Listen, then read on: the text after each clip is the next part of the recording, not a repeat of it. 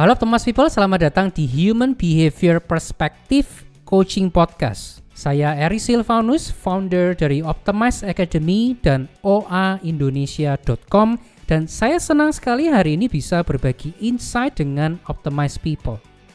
Saya percaya di balik berbagai konsep tentang personal development, tentang konsep leadership, tentang konsep salesmanship, dan bahkan tentang business development, penentu keberhasilannya tetap adalah pola behavior dari para manusianya. Itu sebabnya baik dalam topik bisnis, salesmanship, leadership, maupun personal development, saya akan selalu mensinergikannya dengan sudut pandang human behavior. Informasi lebih lanjut tentang layanan-layanan saya bisa Optimize People lihat di erisilvanus.com. Oke, kita langsung saja ke episode hari ini. Semoga bermanfaat.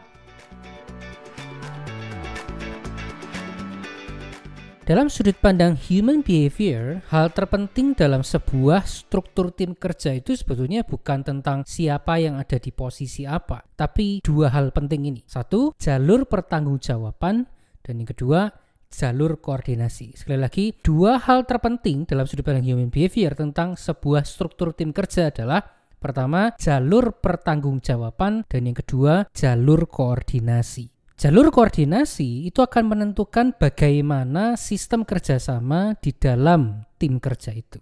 Misalnya ada tim kerja yang sifat pengambilan keputusan di antara divisi-divisi bersifat terpisah dan mandiri. Tapi ada juga yang walaupun secara struktur terlihat sangat hierarkis, tapi sebetulnya pengambilan keputusannya bersifat sangat kolaboratif. Itu sebabnya saya katakan dalam sudut pandang human behavior bukan strukturnya itu yang terpenting tapi jalur koordinasinya. Kadang-kadang ada yang bilang jalur koordinasi ini adalah prakteknya sedangkan struktur organisasi yang tertampang di dinding perusahaan itu adalah teorinya. Um, buat saya ini belum tentu betul-betul tepat. Buat saya esensinya adalah jalur koordinasi itu yang akan menentukan bagaimana sistem kerjasama di dalam sebuah tim kerja. Oke, itu adalah jalur koordinasi. Sekarang kita akan ke jalur pertanggungjawaban. Jalur pertanggungjawaban ini akan menentukan siapa yang bertanggung jawab mereview tanggung jawab siapa. Atau kalau saya parafrasekan, siapa yang harus melaporkan pertanggungjawaban kinerjanya kepada siapa. Nah, apa kaitan konsep jalur pertanggungjawaban dan jalur koordinasi ini dengan time management seorang pemimpin? Minimal ada dua faktor yang perlu kita pertimbangkan.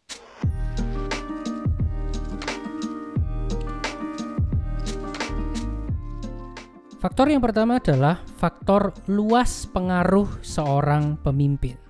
Pengaruh seorang pemimpin itu sebetulnya tidak dibatasi hanya oleh jalur pertanggungjawaban. Saya asumsikan Optimus People setidaknya pernah mendengar tiga istilah ini. Leading down artinya memimpin tim yang memang seharusnya memberikan pertanggungjawaban kepada kita.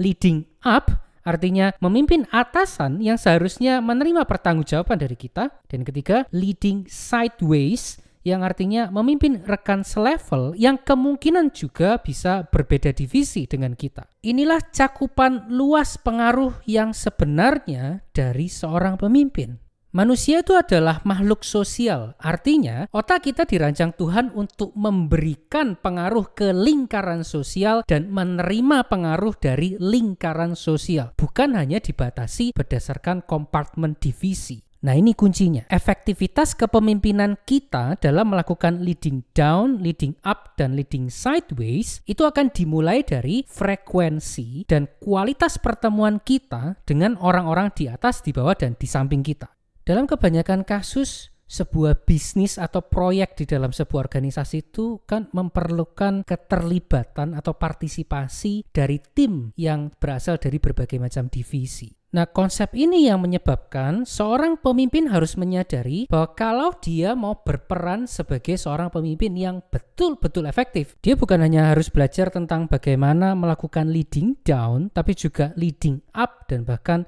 leading sideways. Dan efektivitas kita dalam melakukan leading down, leading up, dan leading sideways ini dimulai dari frekuensi dan kualitas pertemuan kita dengan orang-orang di atas, di bawah, dan di samping-samping kita. Nah, di sinilah masuknya topik time management. Saya tidak mengatakan bahwa kita harus punya jadwal yang fix tentang kapan kita harus bertemu dengan rekan kerja di atas, di bawah, dan di samping. Saya hanya mengingatkan bahwa sebagai pemimpin, kita harus mengalokasikan waktu dan energi yang cukup untuk bertemu dengan orang-orang di posisi-posisi yang kita perlukan untuk mencapai goal investasi waktu kita itu akan dirasakan oleh rekan-rekan kerja kita entah yang di atas, di bawah atau di samping sebagai prioritas dari kepemimpinan kita. Bahkan untuk konteks level C-suite, sering kali bagaimana seorang CEO misalnya menginvestasikan waktunya itu akan menentukan proyek apa atau ide apa yang akan selesai atau bisa terrealisasi tepat sesuai rencana.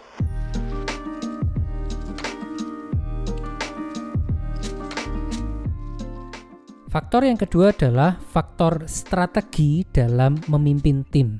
Memimpin tim yang ada langsung di bawah kita atau direct team itu bisa terasa lebih mudah karena setidaknya kita bisa cukup sering ketemu dengan mereka secara one on one. Tapi memimpin para indirect team bisa terasa lebih tricky Kenapa bisa begitu? Karena di tengah waktu kita yang sangat terbatas ini, kalau kita meluangkan waktu terlalu banyak dengan indirect team, maka kita beresiko membuat beberapa tanggung jawab utama kita terbengkalai karena kita kehabisan waktu dan juga dipersepsi oleh para indirect team kita sebagai seorang pemimpin yang control freak atau micromanage leader. Padahal seperti yang sudah kita diskusikan, sebagai seorang pemimpin yang efektif, kita tidak bisa membatasi luas pengaruh kita hanya pada orang-orang yang bersentuhan langsung dengan kita, tapi juga sebaiknya pada indirect team. Jadi bagaimana strateginya supaya kita tetap bisa mempengaruhi para indirect team tapi tidak dipersepsi sebagai seorang control freak atau micromanage leader.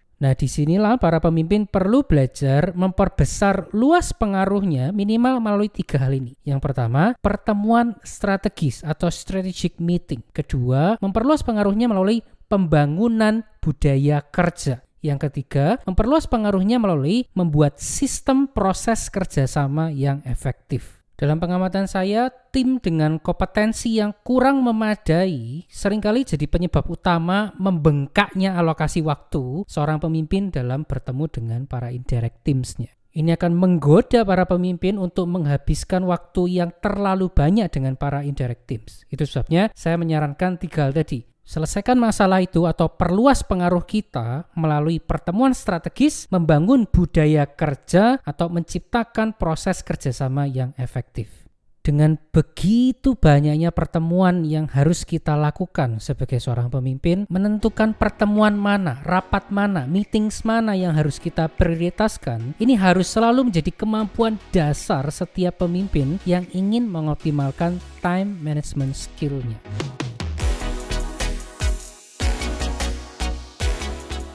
Semoga Optimize People mendapatkan manfaat dari episode kali ini. Kalau Optimize People ingin tahu layanan-layanan yang bisa saya berikan, kunjungi erisilvanus.com. Sekali lagi erisilvanus.com. Saya Eri Silvanus, sampai jumpa di episode berikutnya. God bless.